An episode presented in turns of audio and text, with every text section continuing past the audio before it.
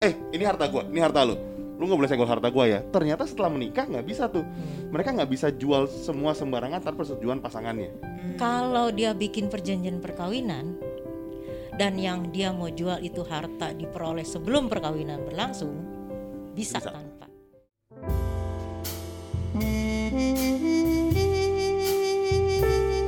Beb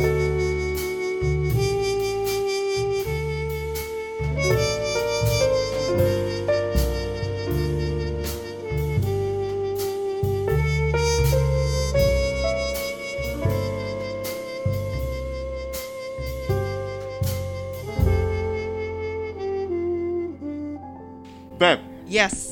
hari ini kita akan ngomongin topik yang kita nggak pernah ngomong sebelumnya Iya, benar. iya dong Pasti dong, kalau nggak bosan pendengar kita. benar Uh-uh. benar dan kali ini kita akan ngajarin pendengar kita gimana caranya nyanyi yang- yang baik dan benar Oh, berarti Iklan. ini bukan pilotok ID, singing. Pilo- Pillow singing. Pilo singing jadi gitu Pillow ya. singing. Jadi 2021 ini kita nggak hanya mau ngomongin tentang relationship, Ah, tapi kita mau ngajarin mereka untuk jadi pendengar yang bisa nyanyi sekaligus. ah, punya life skill. Punya life skill. Untuk bernyanyi. Kalau kita ngomong gitu pendengar kita hilang nggak nanti? Kayaknya hilang. Kayaknya mereka tertarik Iya, konten kita. lagi. Jadi hari ini eh, kita pernah dapat DM, satu DM dari teman kita, dari pendengar kita. Dia bilang gini, kak, em, em, menurut kakak kalau menikah itu em, perjanjian perjanjian pisah nikah tuh, eh perjanjian pisah, harta tuh kakak setuju nggak? Hmm, gitu. hmm. Nah terus karena gue bilang kita setuju karena kita pernah belajar juga dulu. Oke. Terus, terus dia tanya gini, pertanyaan gini yang menarik banget. Kak, nanti kalau udah menikah 20-30 tahun gak cinta lagi gimana? Terus kan gue jadi agak bingung jawabnya ya ya. Dar- Daripada kita salah, kita akan tanya ke ahlinya. Nah, Nah, Ta- Tante Astrid boleh nggak kenalin diri dulu? Tante Astrid nih siapa dan dulu kerjanya apa sehingga Tante Astrid akan jadi seorang penyanyi di sini? Bukan, bukan bukan. penyanyi hukum. Penyanyi hukum sini. Boleh Tante Astrid. Perkenalkan nama saya Astrid. Udah dari sananya sih namanya begitu ya. Oh iya. Nah, mm, saya tuh lulus eh, kuliah ceritanya tahun 81. Belum pada lahir kan Oh, ya. belum ketahuan deh. Terus eh, saya sempat kerja di sebuah kantor notaris 2 tahun. Tapi setelah itu saya lanjut di sebuah law firm. Hmm. Nah, di law firm ini saya berkecimpung lumayan sih 29 tahun. Wow. Nah, yang tanpa saya rasakan kok orang-orang yang ada persoalan di rumah tangga nyarinya ibu-ibu. di kantor situ ibu-ibu cuman aye. Jadilah saya eh, me- apa? me- bahasa banyak berkecimpung di hukum keluarga gitu. Jadi kurang lebih ya mesti tahu lah hukum keluarga dari mau perkawinan, Hmm. perceraian, anak dan segala macam yang di urusan keluarga. Ya seperti Hmm. itu. 29 tahun, Beb. Gua aja belum lahir. Gua belum. Gua umur aja belum 29. Ini udah pengalaman 29 udah pengalaman tahun. udah udah ngelotok. Nah, Enggak, udah karatan. Tante sebelum kita masuk ke topik yang orang orang tanya nih, Tante boleh cerita nggak sebenarnya eh, landasan atau dasar-dasar hukum perkawinan tuh gimana sebenarnya? ya, kalau kita bicara soal hukum perkawinan, eh, mungkin secara umum ya, secara general kita tuh tunduk kepada undang-undang perkawinan. Itu diatur di Undang-Undang Perkawinan Nomor 1 tahun 74. Oke. ya. Nah, apa sih yang dibilang perkawinan? Itu dulu ya. Hmm. Perkawinan itu adalah ikatan lahir batin dari seorang pria dengan seorang wanita. Hmm. Tapi nggak di situ aja. Bertujuan apa mereka ikatan lahir batin? Lu suka sama gue, gue suka sama lu. Nggak cukup Hmm. untuk membentuk keluarga atau rumah tangga yang bahagia. Tentu Hmm. semuanya menginginkan rumah tangga yang Iya. bahagia. Iya. Dan nah ini asasnya yang ada di undang-undang perkawinan adalah asas monogami. Udah bahagia dan kekal Oke. berdasarkan ketuhanan yang Maha Esa. Hmm. Itu dulu patokannya. Kalau udah terjadi mereka men- eh, mengadakan pernikahan. Nah, setelah pernikahan harus harus baru sah kalau di langsa dilangsungkan di secara agama atau kepercayaan Hmm. dicatatkan supaya diakui Betul. kalau cuman eh, negara apa eh, agama itu udah sah Hmm. tapi tidak dicatatkan Oke. ya jadi nanti apa bedanya bedanya kalau terjadi sesuatu akibat hukumnya si yang setelah pernikahan ini kalau tidak dicatatkan eh, si pria itu misalnya contohnya anaknya nggak menyandang nama keluarga si papa Oke. jadi tidak tercatat kalau dulu zaman zaman tante masih masih muda-muda gitu ya sekarang sih masih muda juga berasanya Oh iya, harus. Harus.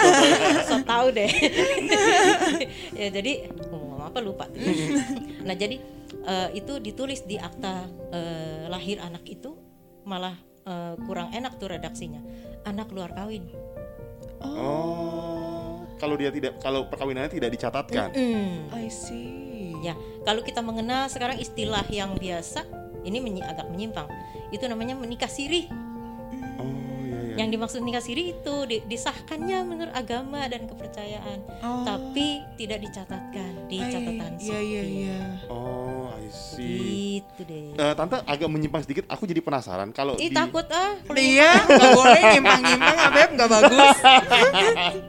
Eh, tante pengen tahu kalau kalau anak yang lahir di luar eh, pencatatan sipil tadi itu apa mereka tidak punya kewarganegaraan atau mereka tidak punya hak-hak atau gimana sih tante sistem hukumnya nanti? kewarganegaraan kewarganegaraan mereka melekat sama si ibu. Oke. Jadi melekat sama si ibu sampai dia berusia 18 tahun dia bisa menentukan sendiri nanti. Hmm, setelah 18 tahun. Iya. Jadi otomatis tuh ya berarti anak-anak yang lahir kalau orang tuanya nggak dicatatkan akan melekat, dengan si pada ibu. si ibu. Kemudian dia bisa milih Mm-mm. mau jadi warga negara Indonesia atau bukan gitu. I see. Aku kalau ngomong ini deg-degan ya Beb nih. Kenapa? Karena Ma- kamu kawin siri sama gue. Oh, Oh, parah, jangan-jangan. eh kamu lupa kita catat itu foto ada Yakin notaris. kamu Beb asli tuh. Iya nggak tahu bisa aja editan fotonya ya. Itu pernik- jangan piagamnya bikin dari internet lagi. Di print doang. Kayaknya tata asli ada deh waktu kita pemberkatan. Kayaknya Oh, sih ada iya, ada. Saya kayaknya tahu saksinya. Oke, Eh, Beb dari situ kamu ada yang penasaran nggak? Enggak sih, cukup cukup jelas. Wis, Iya. Memang susah. Kalau 29 tahun praktek di dunia hukum jelas keluarga banget. jelas. Uh-uh. Kayaknya kita nggak usah nanya. Nggak bisa dibantah. Nggak bisa. Tante mau ngomong apa lagi boleh? Kayaknya kita kayaknya kita sudah aja deh. Udah semua. Udah jelas. Nah, eh, tante aku mau nanya ini kan kemudian kita udah paham nih ya soal esensi eh, hukum Pernikahan. pernikahan sebetulnya. Terus kenapa sih soal harta itu jadi sangat jadi sangat signifikan pandangannya. Jadi tiba-tiba tuh heboh harta gono gini lah pisah harta tiba-tiba aku merasa sih dimulai tahun 2000-an kayaknya mulai booming atau nggak mungkin tante udah kenal lama kali. Sebenarnya perjanjian perkawinan ini sih udah dari awal orang ngawin udah udah ngepikir begitu cuma mungkin yang eh, lebih dipublikasikan kalau menurut eh, perabaan saya biasanya sesuatu yang booming itu pencetusnya orang yang punya nama, Iya, iya, orang yang betul. punya harta, ya. Kalau yang biasa-biasa aja ngapain diomongin, kagak seru, iya. Dijual kagak laku. iya, di headline gak ditonton orang. orang. Siapa sih lu? Lu mau Iya. bisa kayak mau enggak gue Nah, pikirin itu. gitu kan. Tapi kalau dia punya nama dan dia hartanya patut diperebutkan, Nah, biasanya akhirnya jadi, wih, ini ada ada ada topik nih, ada Hmm. isu nih tentang perjanjian perkawinan. Memang eh, terus terang aja pada saat saya nikah aja, saya nikah tahun 83. Saya sendiri juga nggak bikin tuh perjanjian perkawinan Hmm, Oke. dan pada waktu itu orang-orang berpikiran oh belum belum udah bikin perjanjian macam-macam sih nah kayaknya kok kawinnya penuh dengan kecurigaan Iya, gitu betul. ya tapi sebenarnya pembentuk undang-undang men- menciptakan eh, klausul itu itu maksudnya untuk melindungi para pihak sendiri mm-mm. kalau nanti setelah pernikahan terjadi perjanjian perkawinan ini nggak ada salah satu punya usaha Mm-mm. terus katakanlah eh, terjadi yang tidak menyenangkan bangkrut deh Hmm. Heeh. kan terganggu dong hartanya semua karena Betul. mereka tidak memisahkan. Nah, kita harus merujuk dulu di dalam sebuah pernikahan itu ada kita bagi dua aja deh yang besar. Harta bawaan, Hmm, ada harta bersama. Oke. Harta bawaan adalah sebelum makanya perjanjian pernikahan itu dibuat oleh calon eh, istri dan suami sebelum pernikahan itu berlangsung Mm-mm. atau pada saat itu dilangsungkan. Jadi sebelum catatan Oh. sipil kita mau bikin nih bisa pada Oke. hari yang sama ya. Oke. Ta- Tapi biasanya kita jauh jauh-jauh hari lah kita Uh-uh. su- ini dulu. Nah, di situ bisa apa aja yang yang yang dibuat di situ. Ya kita harus eh, rinci harta bawaannya. Warisan dari pihak keluarga si calon suami atau juga si istri. Terus nanti juga diatur eh, penghasilannya masing-masing dalam dalam di dalam eh, eh, pekerjaan.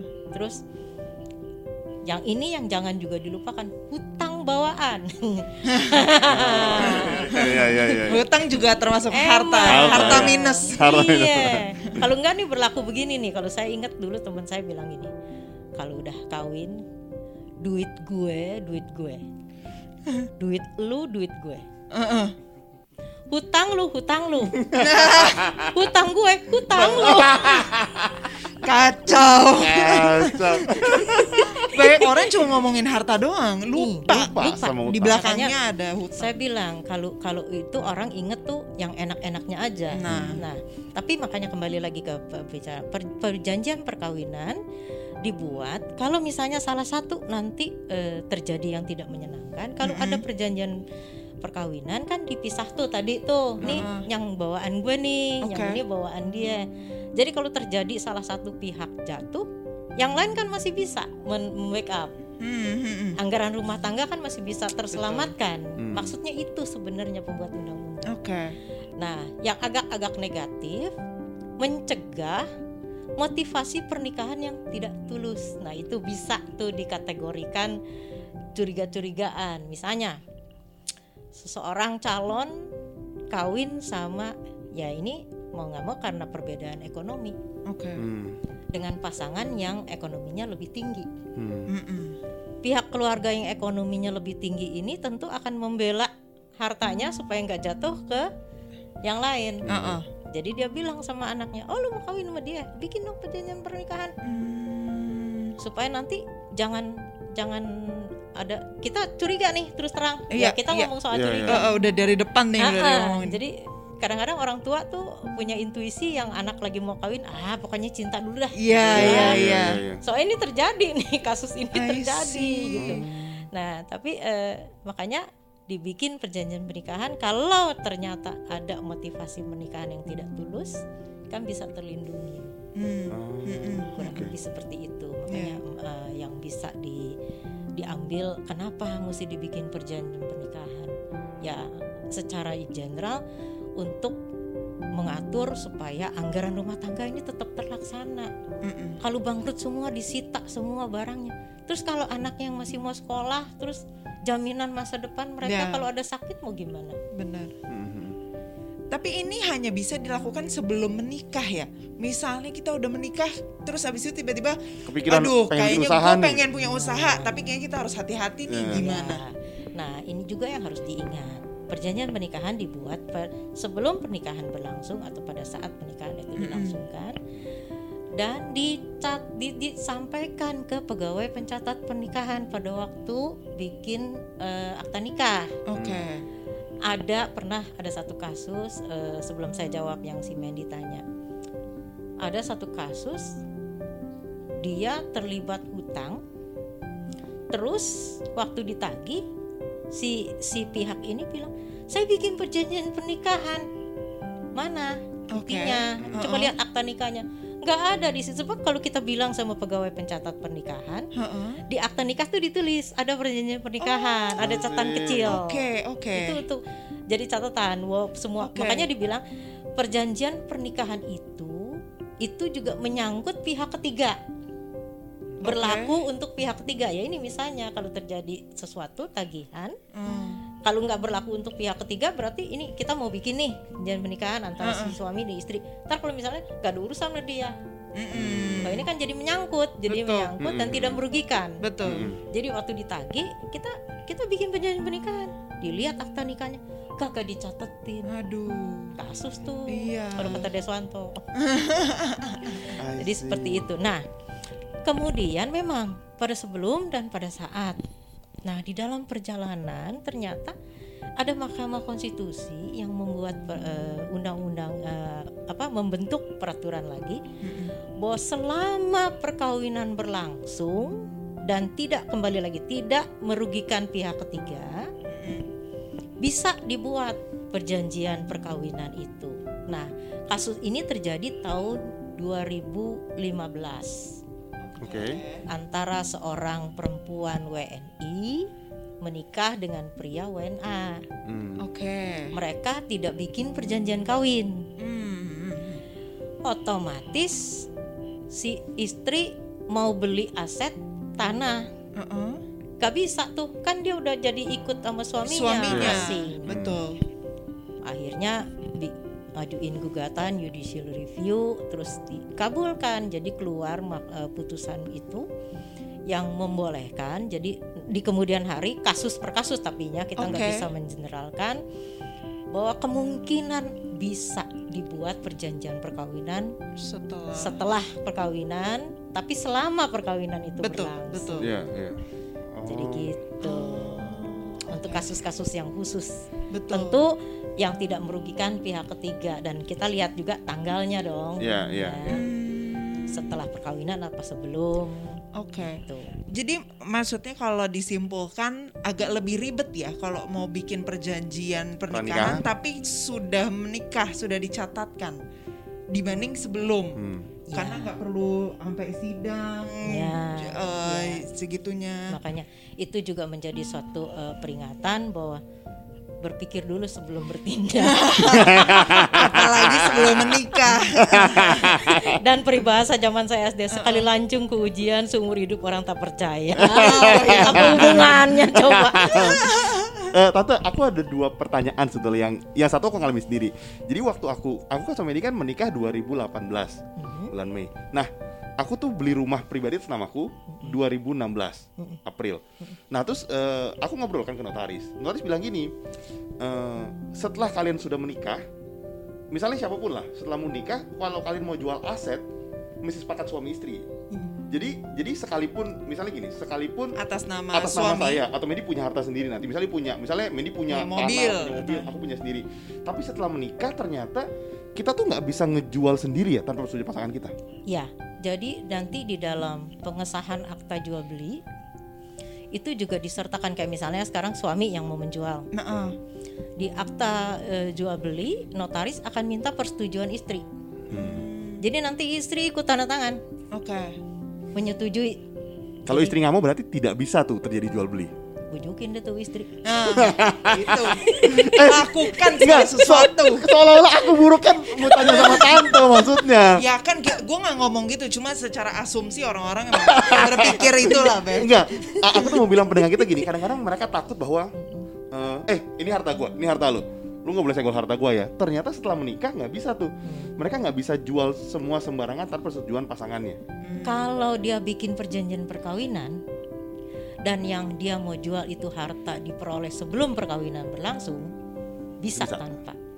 I see. Nah, ini mungkin mungkin pertanyaan eh, lanjutan kali ya. Mungkin eh, bisa dijelaskan dulu kenapa sih perlu dibedain antara bawaan harta bawaan sama harta apa tuh Bersama. namanya bersama itu tuh maksudnya apa? Eh Dan aku yang mesti jelasin gak usah tante Aku nih bisa kamu nggak punya pengalaman 29 tahun beb Memang nggak kredibel Pad- Padahal Padahal hartanya cuma daging doang di sini Gak ada harta Iya. Ini harta bawaan kan hartaku adalah hatiku beb gitu doang. Iya, harta bawaan itu adalah harta yang dibawa oleh pasa- calon pasangan itu ke dalam pernikahan sebelum pernikahan berlangsung. Itu bisa berup, be- berup- berasal dari hadiah, hibah atau wasiat, eh, warisan. Nah, kalau udah perkawinan berlangsung, kita udah bikin perjanjian perkawinan. Nah, selama perkawinan berlangsung itu yang dikenal sebagai harta bersama. Nah, kita me- me- melirik mulai ini istilahnya yang dikenal dengan istilah bagus harta gonogini. Yang diperoleh jadi harta bersama itu adalah harta yang diperoleh selama perkawinan berlangsung. Bisa aja ya ya udah udah kawin yang terus bisa bikin anggaran rumah tangga ya.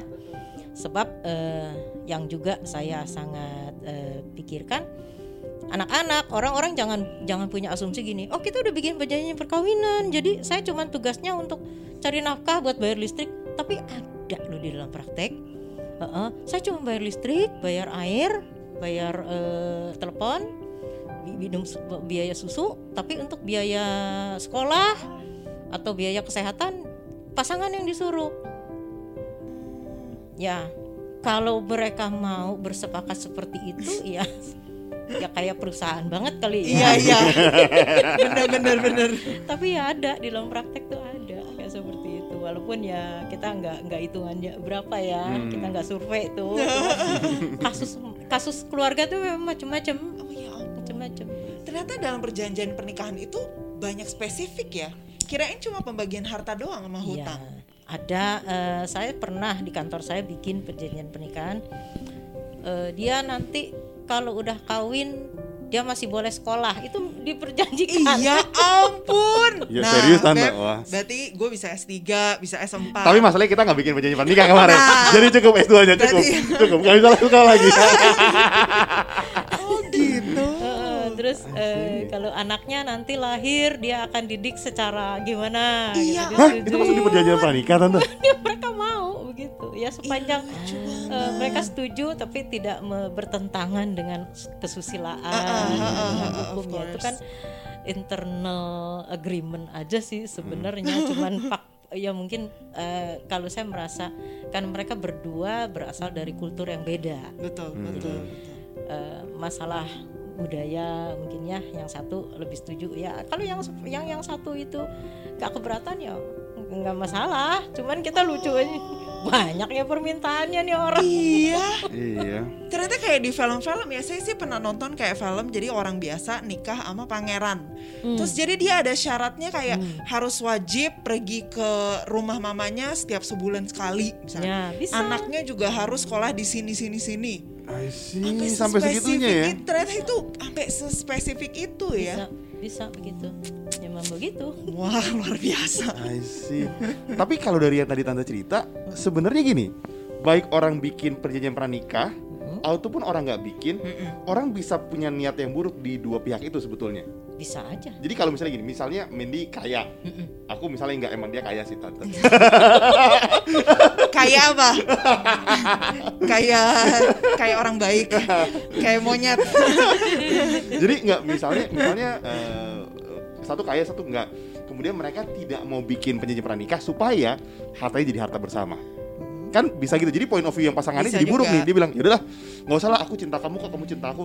Kita bikin supaya ya kita kan sama-sama padahal niatnya si satu satu orang males misalnya. Iya, pengen iya. bareng. Atau yang kedua, dia bikin pranikah supaya nanti kalau misalnya ternyata gua nggak ini gua masih punya harta gua nih bukan punya lu. Bisa juga gitu kan sebenarnya.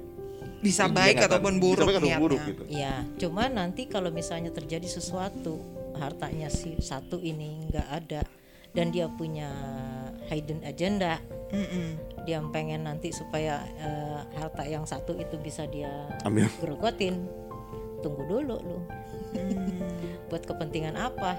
Hmm. kalau kalau misalnya nanti saya ingat beberapa tahun yang lalu itu terjadi eh, di pasangan artis tuh.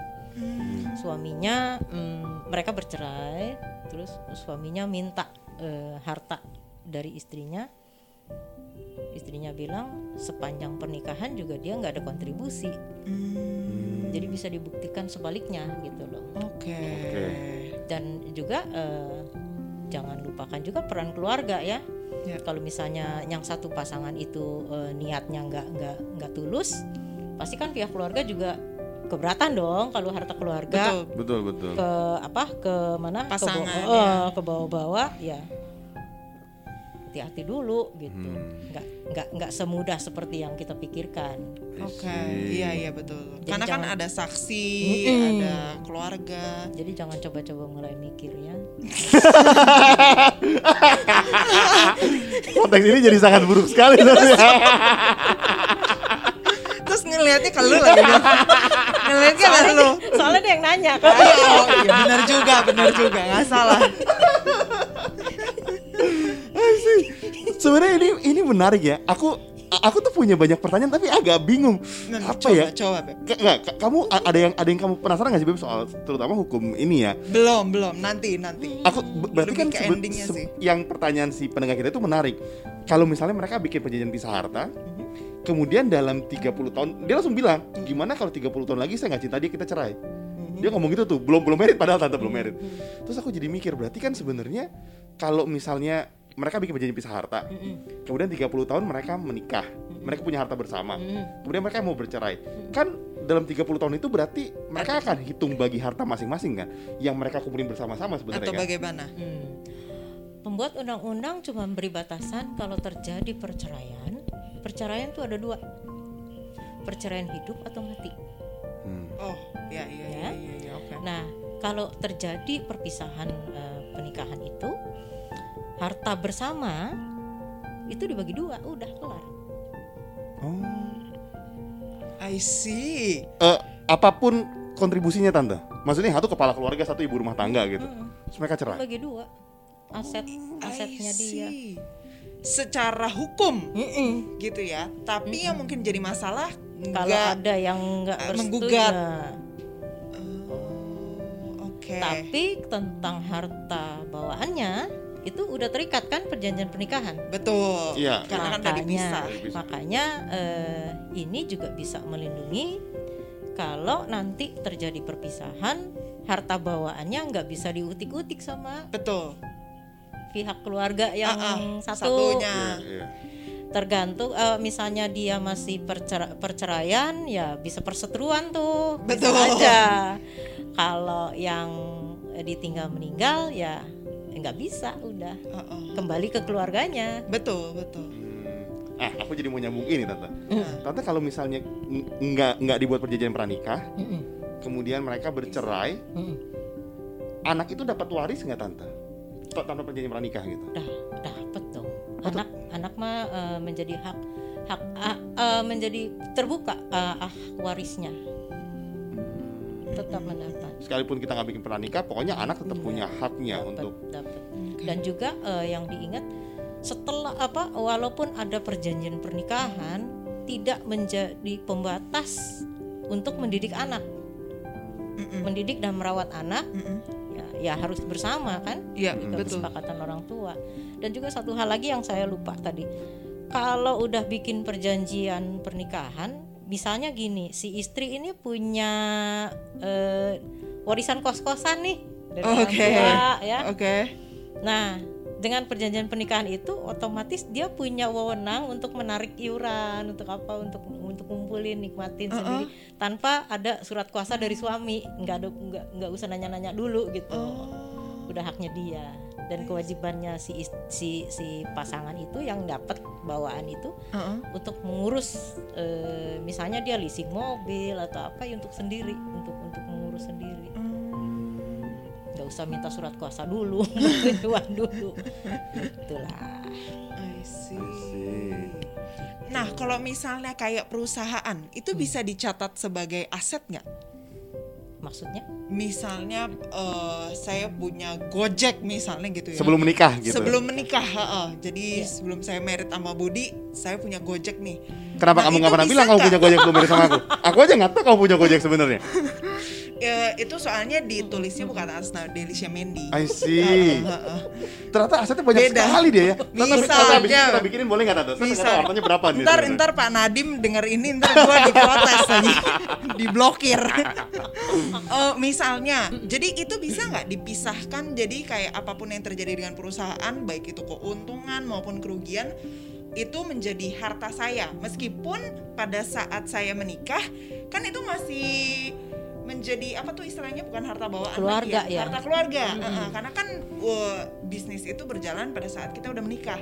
tapi dibuatnya pada saat sebelum eh, sebelum menikah. pernikahan. Jadi Heeh. di di dalam perjanjian pernikahan itu dia dicantumkan bahwa ada usaha yang di, di, di, di- dilakukan oleh pihak keluarga ya tapi eh, itu menjadi harta terpisah berarti kan Heeh, heeh, betul. Mm-mm, bisa Bisa, ya. Kamu kayaknya Menarik, pengen kamu kayak pengen misahin banyak harta banget sama aku. Kenapa memang? Enggak, enggak. Ntar lah sama suami kedua lah. Oh, oh, oh, oh, oh. Enggak lah bercanda, Beb, Wah. bercanda. Enggak, enggak. Wah, wah. Enggak, enggak. Nggak Ini dikat ini. Ya, Nggak mungkin dikat ini. Enggak lah. Nggak bisa ini. enggak. Ini cuma contoh buat mungkin yang punya suami dua, tiga, empat, buat mereka sana. Ngomong-ngomong yang kamu bilang tadi soal suami 2, 3, 4 Heeh. Tante berarti hukum ini ti- Hukum perjanjian pernikah udah pasti tidak mungkin berlaku untuk orang yang kawin di luar eh, sah secara hukum dan pemerintah kan Misalnya kawin siri yang tadi Mhm. Maksudnya perjanjian pernikah itu kan sudah pasti tidak mungkin dibikin surat untuk pasangan-pasangan seperti itu Kalau perjanjian pernikahan ini, perjanjian perkawinan ini dibuat untuk mereka yang yang membuat perja, eh, akta kawin, akta nikah, Oke. akta nikah atau buku nikah. Ya. Oke, oke. Akta nikah kan yang ter- yang tunduk kepada hukum perdata. Betul. Kalau yang buku nikah kan yang untuk yang muslim. Mm-mm. Jadi kalau tidak dicatatkan, Mm-mm. mereka bikin perjanjian kawin ya nggak ada Percuma, guna. ada Iya, iya. Hmm.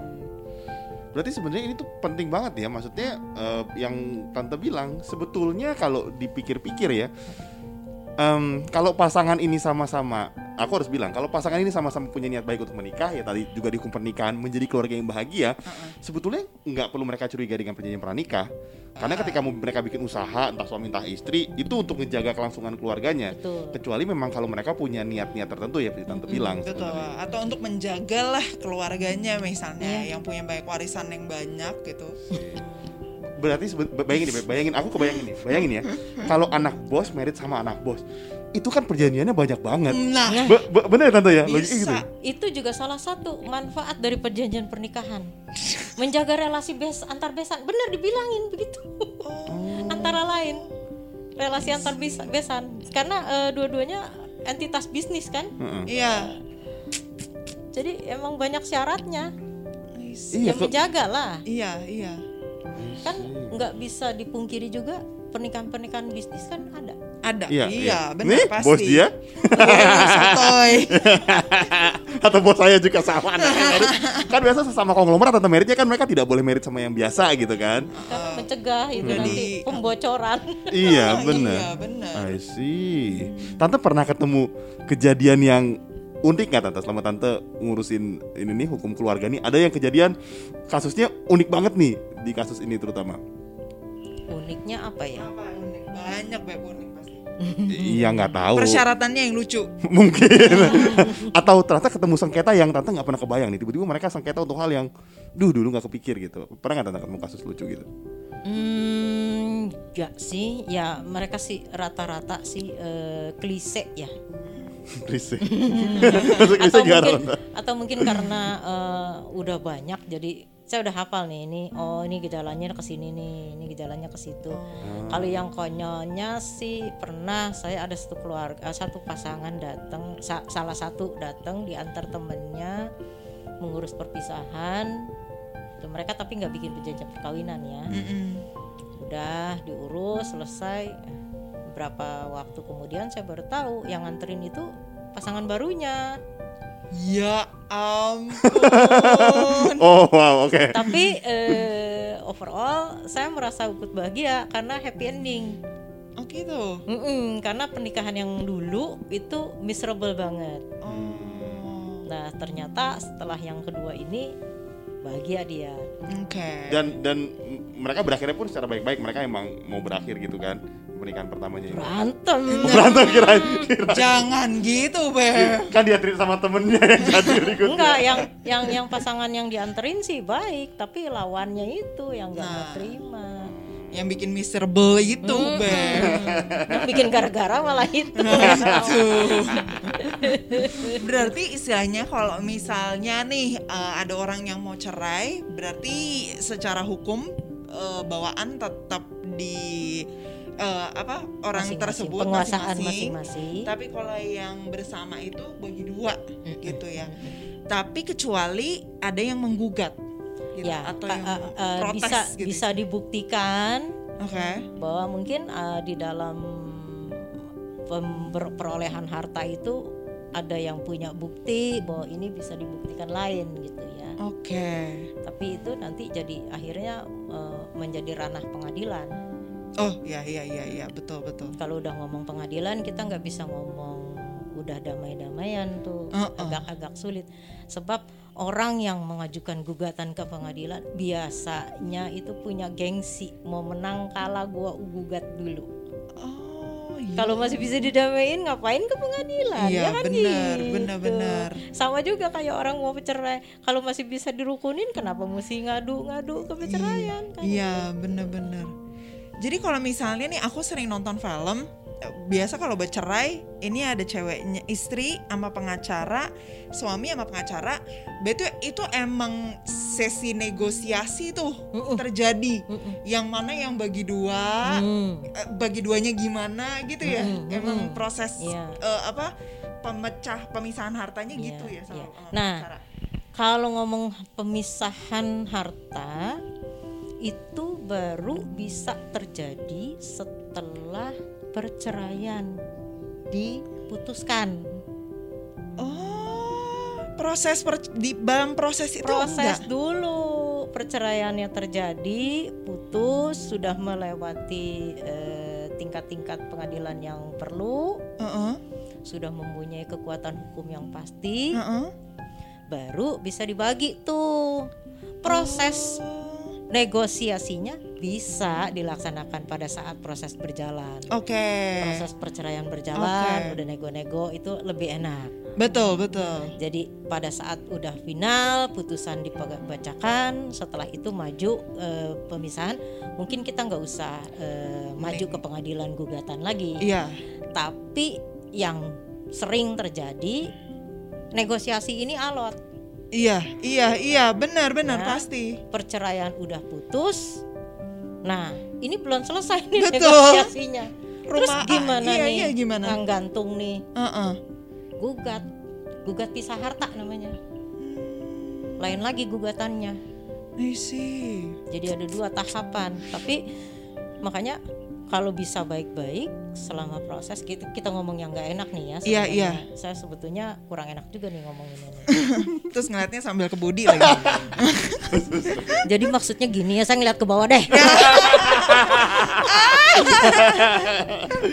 ya, ya, ya hal-hal kadang-kadang kan manusia maunya yang enak aja ya, Iya. tapi Hmm, betul. mengabaikan ah lihat nanti deh gimana nanti Iya, deh. iya, tapi benar. buat saya lebih enak eh, menghadapi yang baik, yang buruk juga gitu kan. Jadi kita Betul, siap. betul. gitu.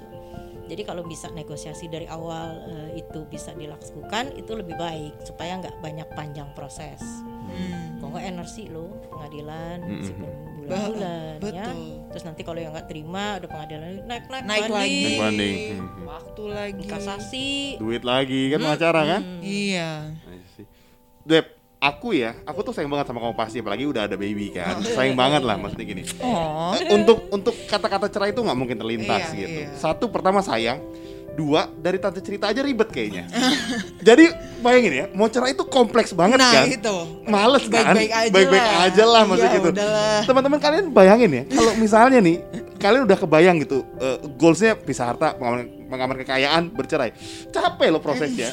Gugatnya kan nggak denger tante cerita tadi, ribet banget prosesnya Iya, gitu. mendingan telan ego aja terus Telan minta ego maaf. aja, minta maaf, baik-baik, saling mencintai. Nah. Betul kan tante? Bener. Iya. Atau jangan-jangan pemerintah sengaja bikin ribet supaya orang makin sulit bercerai. Memang sih sebenarnya eh, ya kalau ngomong perceraian ya nggak lari dari satu sih ego lah. Iya, Hmm. betul, betul, betul. Walaupun ada eh, faktor-faktor eksternal, misalnya pengaruh-pengaruh dari dari dari luar ya, Hmm. Heeh. Eh, bisa juga dari pengaruh keluarga bisa. Betul, atau psikologis Mm, bisa juga. Bisa. Tapi kan kalau kita ngomong perceraian, lain lagi nih topiknya ya. Iya, betul. Ada enam alasan perceraian. Nah, tunggu di episode Eh, by the way, tante tante married udah berapa lama tante? Belum lama sih ya. baru. Tahun 83. Luar Belum 37 tahun. Tuh, lo aja belum 37 tahun. Mak, kalian denger ya, yang kalian baru-baru mau merit nih, Nah. udah ngomongin soal berantem berantem, tante udah 37 tahun. Dan tante cuma bilang, alasannya tuh cuma ego biasanya. Betul, betul. Bu, tante bilang ada pengaruh keluarga bisa teman-teman bisa tapi cuma ego. Nah. Jadi latih lah untuk mendorong ego kalian. Dengar tante 37 tahun, anaknya udah tiga. Nah, Jadi eh, Tuh dia. ahli hukum lagi. Nah tante nih 29 tahun berpengalaman, 37 tahun menikah. menikah. Udah paham dari ngurusin orang yang mau cerai semua. Ah. Terus tante membina keluarga punya tiga udah hafal lu kayak. Nah, tante itu. mungkin bilang gini, kita berantem, jangan berantem deh. Gue orang cerai capek tahu. Iya. Gue udah tahu. Gue udah tahu udah gitu damai aja udah, deh. udah, damai kalau mau sedih ya, di- dikit-dikit ini ya kalau ngomong seorang urusan berantem jangan tertipu sama penampilan Oh, misalnya. Soalnya yang suka cari gara-gara tuh saya untuk hal yang sepele Oh gitu. misalnya lupa tutup pintu Oh. Ah. gimana sih kamu tuh pintu selalu dibuka Heeh. jawabannya si soulmate apa ya tutup aja Susah banget. jadi saya belajar menguasai ego dari beliau Oh, luar biasa. Luar biasa. dan untuk ngajarin saya itu butuh 30-an tahun Baru lulus sekolah pernikahan ya. enggak lah jadi kita saling saling ini ya Betul. saling menghargai Betul. saling mengakui kalau salah tuh ngaku Mm-mm, mm-mm, mm-mm. dan memaafkan itu memang paling enak di mulut tapi susah dilakukan. Ya, betul. gua maafin tapi gua nggak ingat, gua nggak lupa. Gue belum rela. gue gak lupa ya gue gue inget tuh gue ya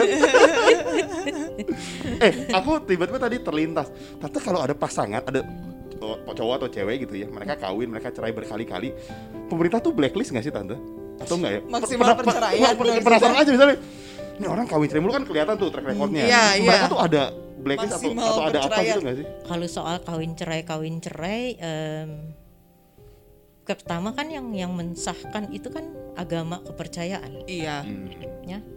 Nah anutannya dia ke mana? Mm-mm, Cuman kadang-kadang suka orang tuh suka nakal ya. mm-mm. Dia diberkatin di gereja anu, dia cerai, dia cari gereja lain. Cari jemaat lain. Terakhir dia di chapel. Ah, Lebih kurang ajar lagi dia besok ke besoknya lari ke pengadilan itu ke KUA.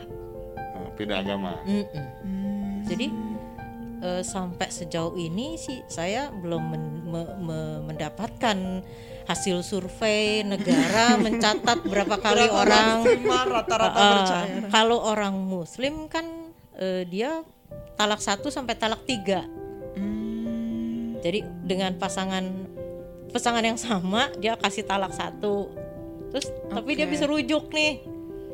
Tapi di tengah di dalam perjalanan rujuk dia ketemu lagi nih seleknya, dia Hmm. talak dua. Oh. Nah setelah jatuh talak ketiga dia nggak boleh tuh rujuk lagi sama orang yang sama. Oh, I see. Dia kawin dulu sama yang lain. Bener.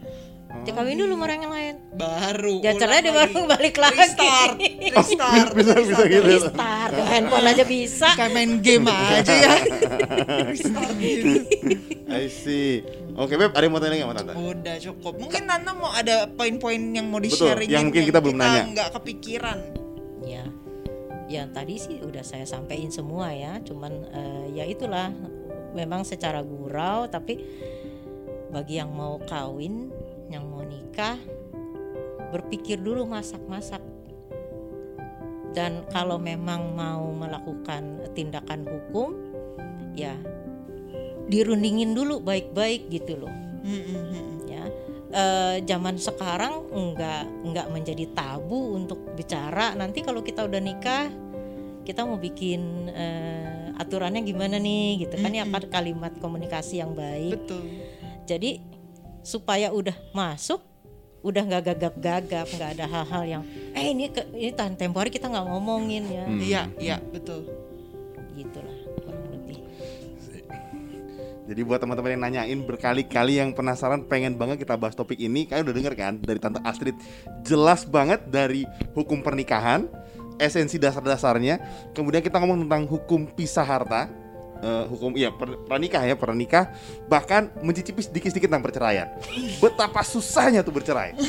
Jadi cintailah pasangan satu-satunya dan monogami. Nah. Itu kan hakikat pernikahan ya tante ya, monogami. Dan komunikasikanlah sebelum pernikahan. Sebelum pencatatan itu itu lu bisa berubah. iya. Lu bisa ngomongin apa aja bebas. Tapi setelah udah dicatat, ah itu lebih sulit. lebih sulit. Penik eh, bercerai capek soalnya. Jadi lu pikir lu baik-baik. Jadi sampai situ aja. Kalau asli thank you banget loh. Thank you Thank you banget, banget untuk waktunya dan ilmunya. ilmunya. Kita aja jadi berpikir berkali-kali. Oh ya gak juga. Gak juga. Pikir apa kamu? jadi eh thank you buat Tante Astrid sekali lagi. Yes. semoga kita ketemu di lain kesempatan. Ngobrolin jangan-jangan pernikahan yang udah 37 tahun. Nah, kita bisa ngobrolin sama si Om nanti di sini ya lebih seru Iya.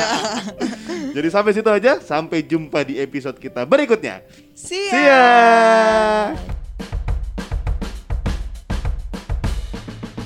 Kalian tahu nggak sih rahasia bagaimana kita berdua bisa bikin konten setiap minggunya secara rutin? Ternyata rahasianya ada di Nasi Padang. Jadi, gengs, tiap kali si Budi itu makan, Nasi Padang. dia punya kemampuan berpikir dan kreatif itu semakin meningkat. Jadi, kalau kalian mau beliin kita, Nasi Padang. boleh ke karyakarsa.com slash pilotok ID. Tenang aja, aku kalau nasi padang tuh murah kok. Nasi, sayur sama kuah, paling 10 ribu. Iya, karena kemampuan perut Budi akan bertambah dengan cepat kalau dia makan karbohidrat aja. Jadi, jangan lupa karyakarsa.com slash pilotokid untuk support kita ya.